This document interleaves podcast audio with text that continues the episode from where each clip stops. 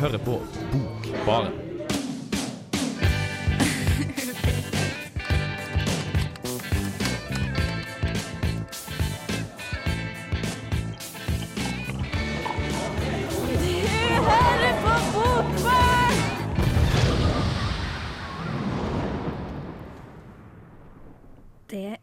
Veldig sant. Du hører på Bokbarn. Og i dag så har vi både en litt spesiell sending og, og gjest i anledning den spesielle sendinga. Vi skal nemlig ha historiesending. Stemmer ikke det, folkens? Jo, det skal vi ha. Eh, altså litteratur som på en eller annen måte har med noe historisk å gjøre. Og derfor så har vi fått med oss eh, Anette Sivertsdøl i dag. Hallo, Anette. Hei, hei. Hei. Jeg tenkte vi kan bare begynne å si hva du, skal, hva du har med i dag, siden at det er du som har gått langt, lengst bak i tid av oss. Mm, ja, jeg har med meg Ravn, blodøye. Mm. Um, skrevet av Gi Nei, jeg har ikke lyst til å uttale navnet. Giles Christian eller noe. Ja, Han er visst sånn der eh, halvt norsk, halvt uh, britisk. Det stemmer. Ja, Så da, da blir det litt sånn Ikke så lett å, å uttale sånne navn. Ja. Uh, mm. Men det var Han skrev om uh, 1800 Nei, 800 etter Mm. Kristus, og så går du litt videre til 1300-tallet I boka. med en annen bok som vi kan prate litt om. Den her um, I all evighet. Å ja, skal vi snakke om den også? Ja, gjerne. OK. Kristoffersen har vært Ja. bakmann her og sagt at uh, Men uh, det tar vi.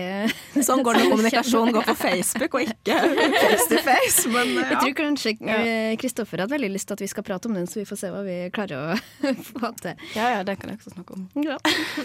Eh, Men Ingrid, da. Du har jo du, det, Hva skal man si, hvilken historisk epoke det her? Er det Tove Nilsen sin barndom? ja, det er jo det at eh, da Kristoffer sa at vi skulle ha historisk tema, så var jeg litt sånn oi, hva skal jeg velge nå? Så var Kristoffer veldig på det at det var en eh, bred definisjon av historie, og han selv skulle jo egentlig ha med noe sånn smuglerne fra Hitra eller et eller annet sånt. Jeg, husker, jeg er ikke helt sikker, men det var i hvert fall en god historie som hans bestefar hadde fortalt. Da. Så han sa Ingrid, har ikke du også noe sånn eh, fra ditt eh, hjemsted?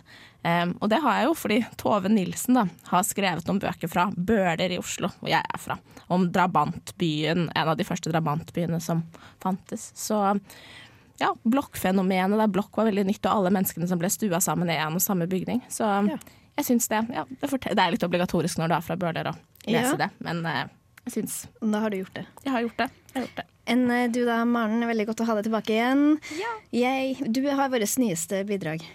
Eh, ja, for jeg eh, Jeg hadde jo også forberedt meg på å lese noe helt annet. Jeg hadde forberedt meg på å lese krim. Og jeg har egentlig aldri lest noe særlig som har noe med historie å gjøre. på noe som helst vis. Så jeg endte opp med å ta en av mine inntrengerbøker, altså de bøkene som ligger i leiligheten som jeg ikke aner hvordan har kommet dit.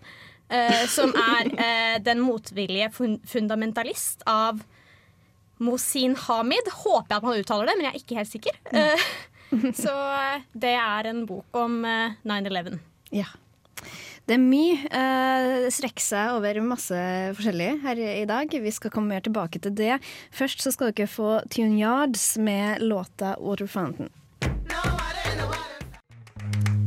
Tune Yards eh, fikk du høre nettopp. De eh, kommer ut med nytt album som heter Nikki Neck 6. mai. Det er snart. Så fikk vi inn litt musikk eh, i vår litterære, eh, fantastiske sending. Hurra! Det er bra. Veldig bra jobba. Ja. Det er sånn vi har fått beskjed om at det var bra. Syns virkelig at da får man litt musikkinnsikt. Men vi, har, vi skal ha en annen type innsikt i dag, da. Mest historisk. Og eh, vi skal tilbake til 800 år etter Kristus. Og du, eh, Anette, det her er du ekspert på. Eh, ja, sjølutnevnt. For du har, eh, du har lest en trilogi, er ikke det? Uh, ja, eller jeg leste de to første bøkene. Ja. Mm, jeg venter på den tredje. Men de heter altså, Navnet på serien er Ravn, er det ikke det? Og så er det litt forskjellige undertitler. Ja. Husker du, du husker sikkert tittelen på dem du har lest, kanskje ikke den siste? Eh, ja, det er 'Blodøye' og 'Tordensønnene'. Ja. Det er de to første bøkene i trilogien.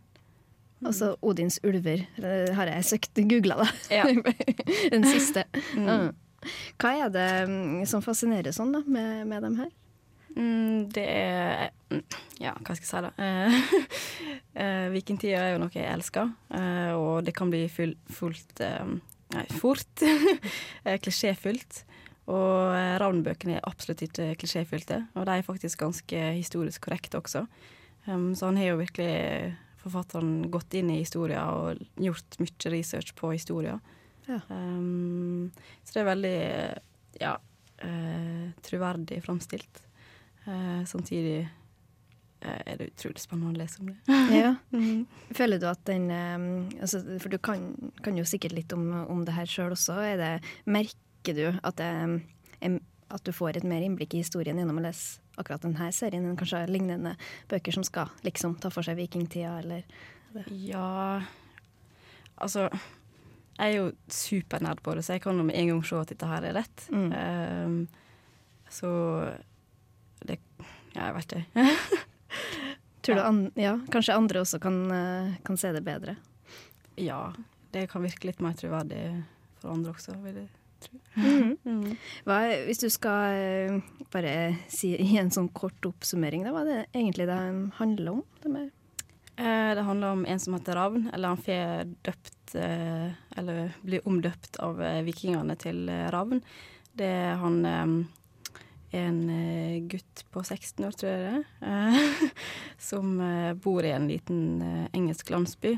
Og en dag så kommer vikingene og tar dem. Som de gjør. Eh, så blir han tatt i fange, og så oppdager han det at han kanskje er litt viking. Ja. Mm. Vel, ja, for det, mm, sånn som jeg har forstått det her, han, det er jo ganske mye kriging og mye altså, mye eh, vold og blod og gørr, ikke det?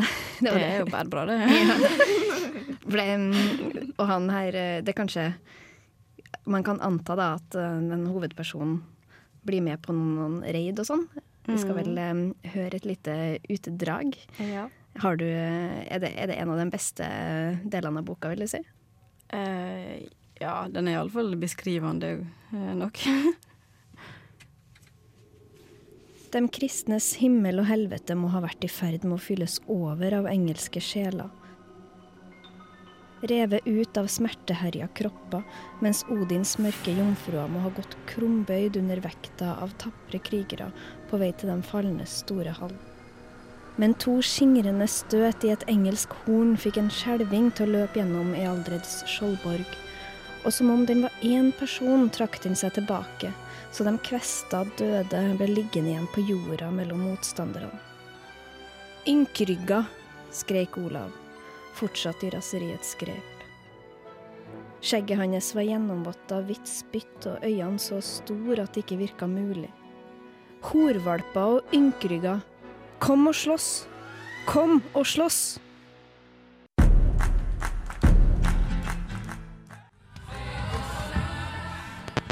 Jeg heter Erlend Nøttet, og du hører på Studentradioen i Trondheim. Det gjør du fremdeles på Bokbarn. Og vi har prata om eh, trilogien Ravn av Gillian Gils Christian. Ja, noe sånt. Sånt. Han hadde visst, eh, hvis jeg husker rett, eh, norsk mor og engelsk far. Ja, ja. Så da, da, da skjer det sånne ting. At man het, da blir man hetende Gils Christian. I hvert fall. Uh, det her er da en eh, triologi der um, Anette har lest de to første. Og er det ditt heiteste tips for folk som er interessert i vikingtid og har lyst til å lese mer? Ja, absolutt. Ja. Uh, hvis du ikke eh, gidder å lese Egil Soga og Torden Hardballene, så kan du lese Ravn. Så bra, da vet vi det. Vi skal si bitte litt om enda en, eh, en bok som du liker veldig godt. Og det er en helt annen tidsepoke. Vi skal frem til 1300-tallet i England, da, fremdeles eh, viktig her. Og det er en forfatter eh, som heter Hva heter han? Har du det? ja, Ken Follett. Mm. Eh, og han har, les, han har tidligere skrevet en bok som ble veldig populær i stormen, stormenes tid. Og nå så eh, Det du tenkte på til sendinga her, er da i, all evig i tid. all evig tid. Ja. Tror jeg jeg rota til den tittelen. ja. Men det, det er mye Altså, i, i stormenes tid, i all evighet tid, i all evig tid. Det er jo veldig mye Det, det er jo tidsbestemt, da, i hvert fall. Ja, jeg lurer på om det egentlig henger i hop. Ja. Sånn at det, Ja, Uh, ja. kanskje han skal skrive flere bøker i det. Mm, Men eh, De er jo så tykke. Hvordan kan han skrive mer om det der? Da Nei. må det ha gått tom snart. Ja, men du vet også sånne Jeg tror det er en spesiell rase, de her folkene som skriver enten historiske bøker på over 1000 sider, eller spesielt hvis du blander inn fantasy også, så har du det gående. Altså. Du blir ikke, blir ikke ferdig, vet du. Men det er jo sånne utrolig store univers på en måte med så mye forskjellig å beskrive, da, så det jeg skjønner jo at det tar litt plass. Mhm. Så nå da, i denne siste boka, så er det den eh, engelske borgerkrigen mellom Nei. nå skriver forfatteren på Ja, det var det vi var inne på, vet du. At den siste boka eh, som han holdt på med nå, er, tar plass i den engelske borgerkrigen mellom 1642 og 1651.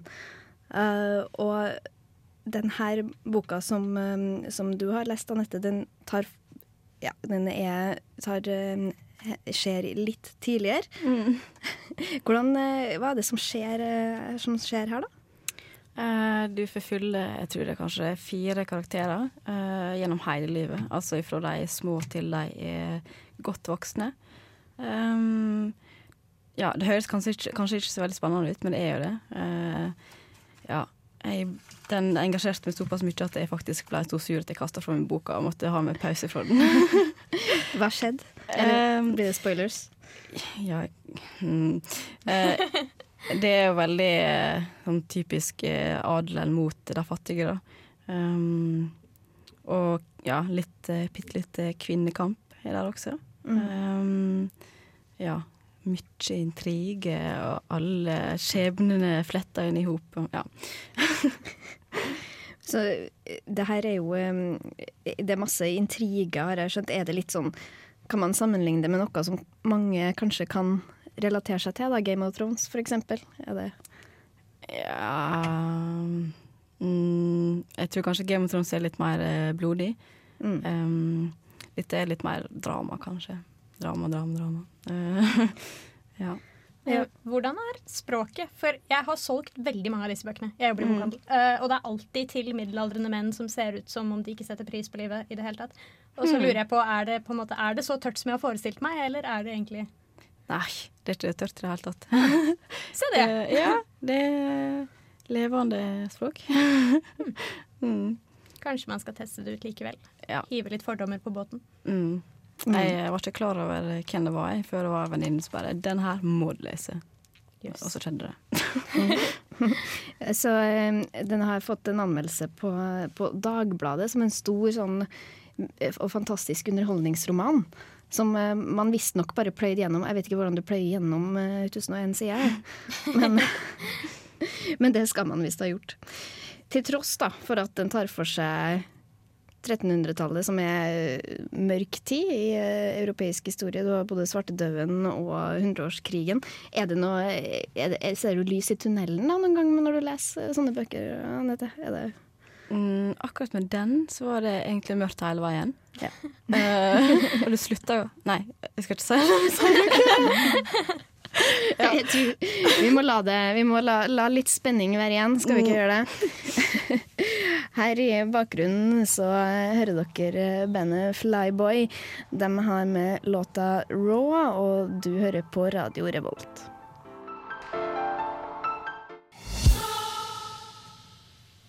Woodland eh, med 'Making Me' skal vi straks få høre.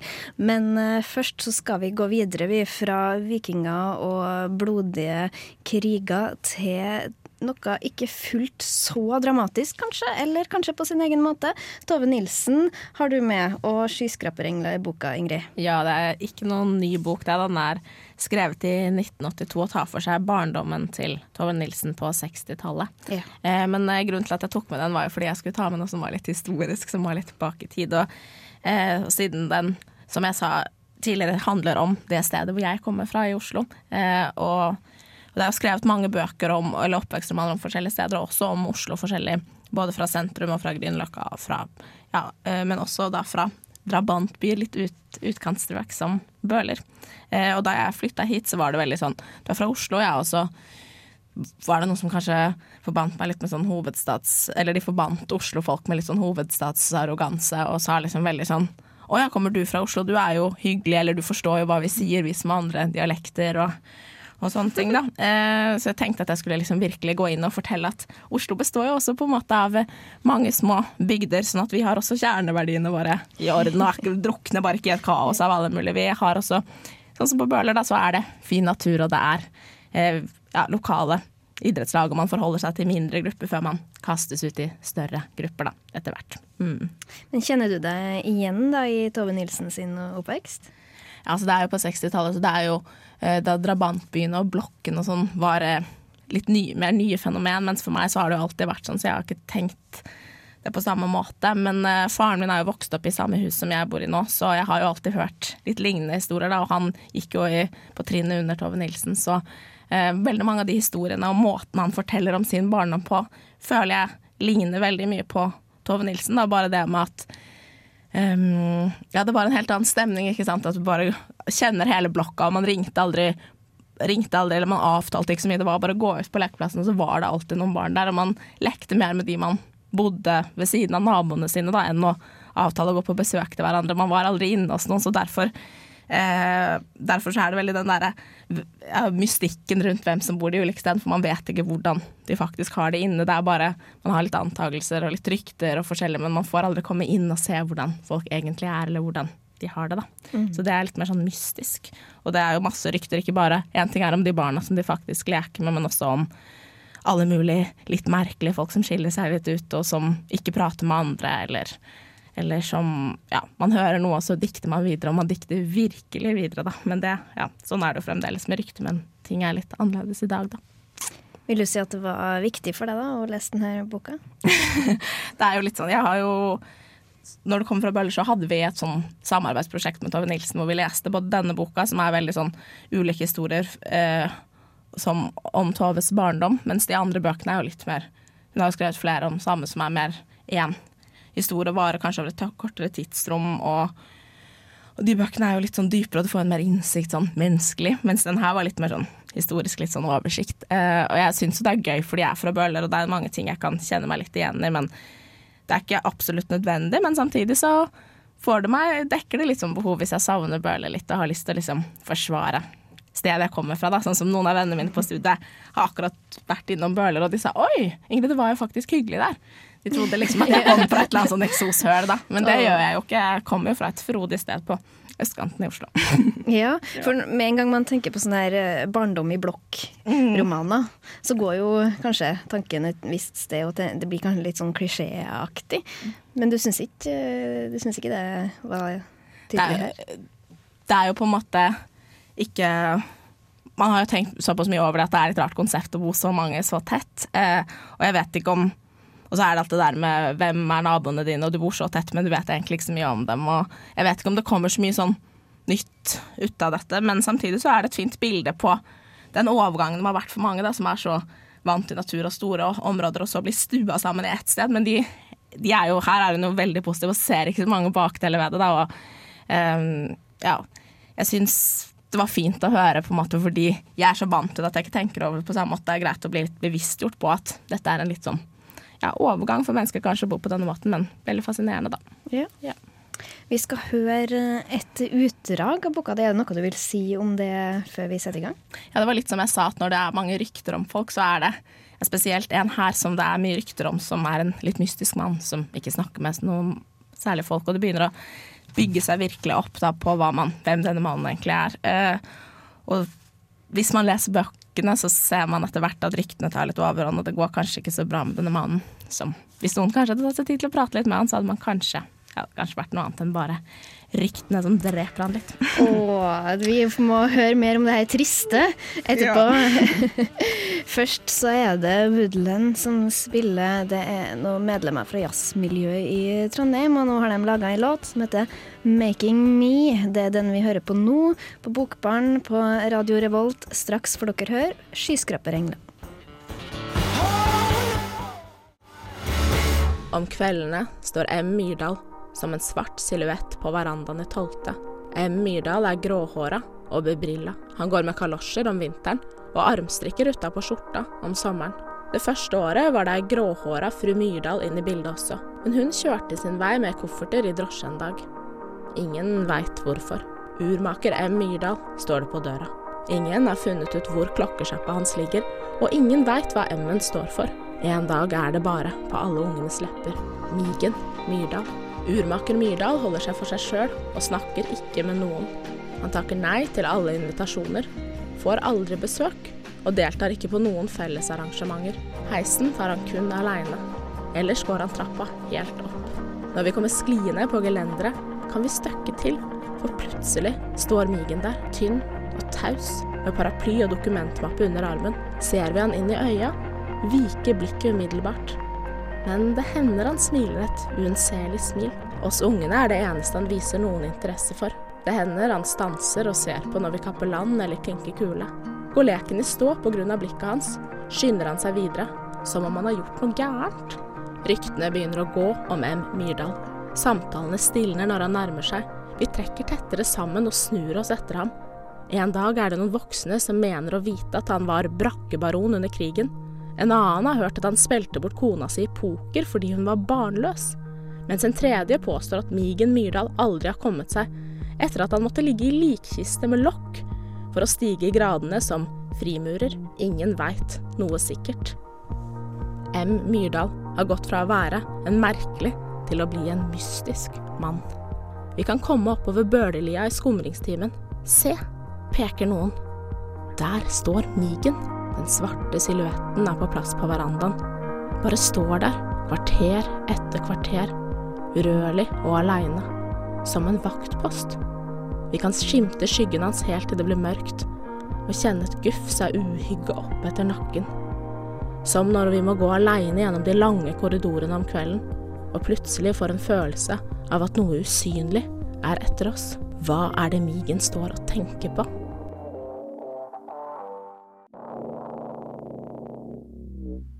Uh, hi, it's Jakob Mensti, and you're listening to Book Baron at Radio World. Dere eh, hørte nettopp eh, bandet O med One Second. Vi er her tilbake i Bokbaren på Radio Revolt, og vi har vært igjennom litt sånn forskjellig vikinger og eh, hun, ja, engelsk borgerkrig. Tove Nilsen har også stukket seg inn her. Vi har snakka om bøler. Og nå skal vi altså eh, ende opp i New York, eh, Maren. Ja, det skal vi. Eller New York, Lahore.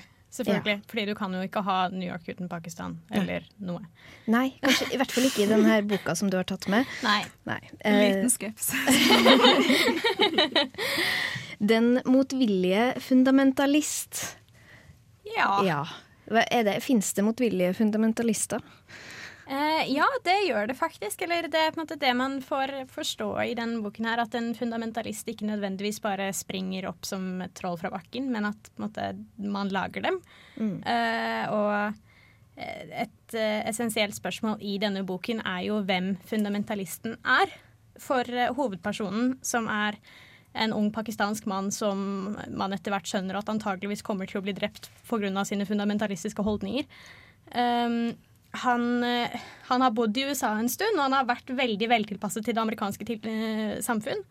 Og så har han etter hvert sett hvor råttent det er, altså at man ikke tar vare på hverandre, og at pengene er det eneste som betyr noe, at man ikke har respekt for hverandre. Og eh, etter hvert så blir det for mye for ham, og han flytter tilbake til Pakistan. Og man, altså, fundamentalismen for ham handler ikke om uh, Allah akbar, liksom. Det er uh, mer om hva slags samfunn man ønsker, så han er en samfunnsmessig fundamentalist.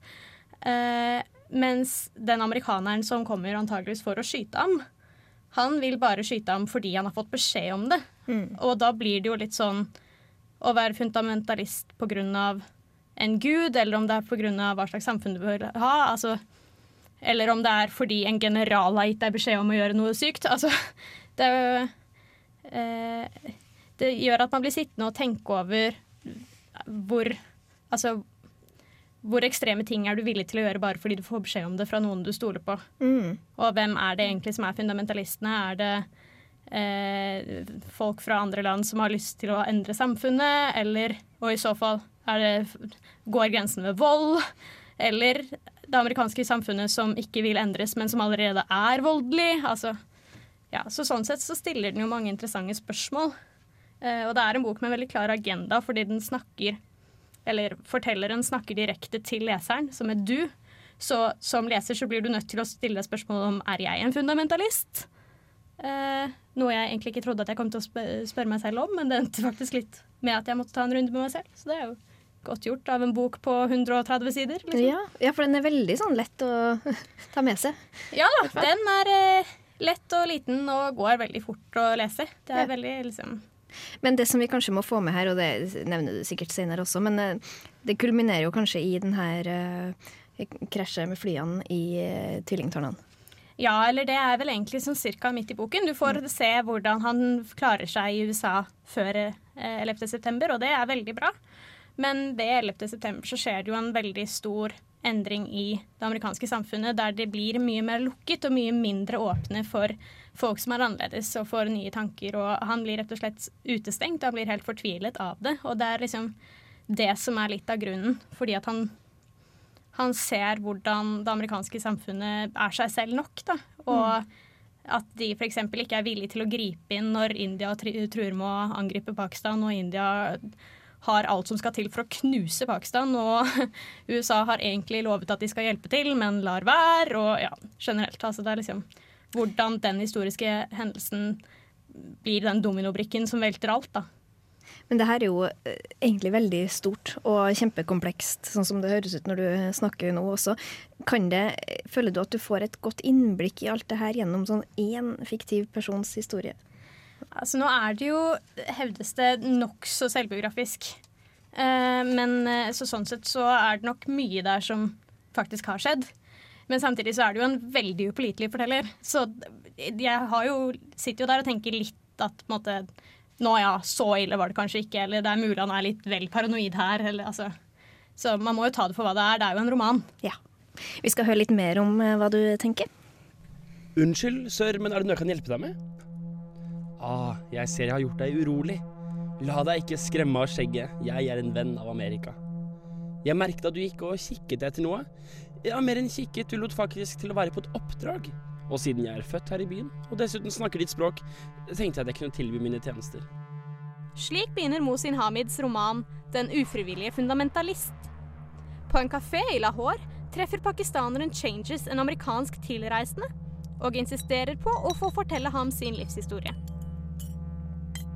I slutten av tenårene flyttet Changes til Amerika for å studere ved eliteuniversitetet Princeton. Som 22-åring fikk han en prestisjefull stilling ved et firma hvis mål var å være best, og hvis motto var å fokusere på det fundamentale. Og i Amerika er det fundamentale alltid penger. Changes jobb gikk ut på å evaluere firmaer som var i knipe, og som derfor kunne kjøpes opp av mektigere størrelser i forretningsverden. Han skulle finne ut hvem som burde bli sagt opp for at firmaets verdi skulle stige. Det var en fabelaktig jobb, så lenge man ikke dvelte ved den dårlige samvittigheten som kan følge når man ødelegger andre menneskers liv. Fremtiden så lys ut for Changes. Han gjorde det godt i jobben. Han trivdes med den amerikanske luksusen. Han fikk seg en amerikansk kjæreste. Så kom 11. september, og alt forandret seg. Changes historie er historien om hvordan en ung, vellykket nyamerikaner ender opp med å flytte tilbake til Pakistan, for så å dukke opp på internasjonalt fjernsyn, der han rasende og med fullskjegg roper om at ingen land i verden er like raske med å volde død over innbyggere i andre land som Amerika. Etter hvert som Changes forteller, blir stemningen mellom ham og amerikaneren mer og mer ubehagelig. Leseren kan få en mistanke om at amerikaneren er der for å ta livet av den unge pakistanske fundamentalisten. Men etter at man har lest Changes historie og forstår valgene han har tatt, er man nødt til å spørre seg om hvem den virkelige fundamentalisten er. Den motvillige fundamentalist er en intelligent komponert fortelling. Kanskje for intelligent, for her er ingenting tilfeldig. Boken er proppfull av algorier, symmetri og symboler, og konseptet er dessverre bedre enn gjennomførelsen. At fortelleren konsekvent henvender seg til et du, gjør at leserens posisjon er ett med den amerikanske lytterens. Dette kunne fungert som en god måte å tvinge leseren til å reflektere over sin egen rolle i samfunnet. Men fordi lytterinstansen tydelig bare blir brukt som et middel for forfatteren til å få fortalt historien, forsvinner denne funksjonen. Kanskje skyldes dette spesielt de lite glidende, altfor konstruerte overgangene, som gjør at dialogen mellom Changes og det amerikanske duet er så lite troverdig at de kan minne om samtaler du finner i barneteatret. At karakterene i romanen alltid skal symbolisere noe mer, gjør at relasjonene kjennes mer som stillaser enn som mellommenneskelige forhold. Changes kjæreste, Erika, kan ses på som et bilde på Amerika. Hun er vakker, morsom, rik og sterk, og alltid festens midtpunkt. Men innerst inne er hun evig vemodig fordi hennes ungdomskjæreste døde av kreft. Ungdomskjæresten Chris, eller kristendommen om du vil, har etterlatt henne i en konstant tilstand av nostalgi. Hun lengter tilbake til bekymringsløse tider. En natt den muslimske changes, eller forandringer som navnet jo betyr, vil ligge med henne, tillater han henne å late som at han er Chris. Hun klarer nemlig ikke å være til stede i øyeblikket med den nye mannen. Hun sitter fast i minnet om den gamle. Hun vil helst leve i fortiden. Når tvillingtårnene faller, blir Erika så trist at hun går inn i en psykose. Hun lever inne i hodet sitt sammen med Chris. Samtidig sverger Amerika til den samme nostalgien. De henger opp amerikanske flagg på hvert hjørne. De vil tilbake igjen til den amerikanske gullalder. Erika stenger Changes ute, og Amerika gjør snart det samme. Dersom man velger å se bort fra algoriene og heller leser boken som en enkel fortelling, viser den hvordan den enkeltes privatliv og opplevelser vil påvirke historien så vel som samfunnet.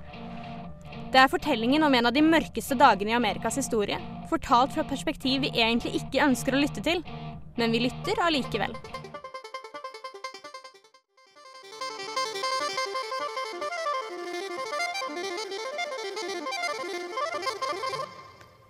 Oi, ja. Det var en, jeg fikk en liksom sånn, energikick eh, av, av det her. Vi holdt på å snakke om at vi er så trøtt på søndagskvelden, men uh, The Drops eh, med låta 'Atlante' det, det, det, det gjorde litt for å få oss i gang igjen, føler jeg. Uh, på en god eller dårlig måte. I hvert fall. vi har uh, prata om eh, historie i Bokbaren eh, i dag, og vi har hatt gjest.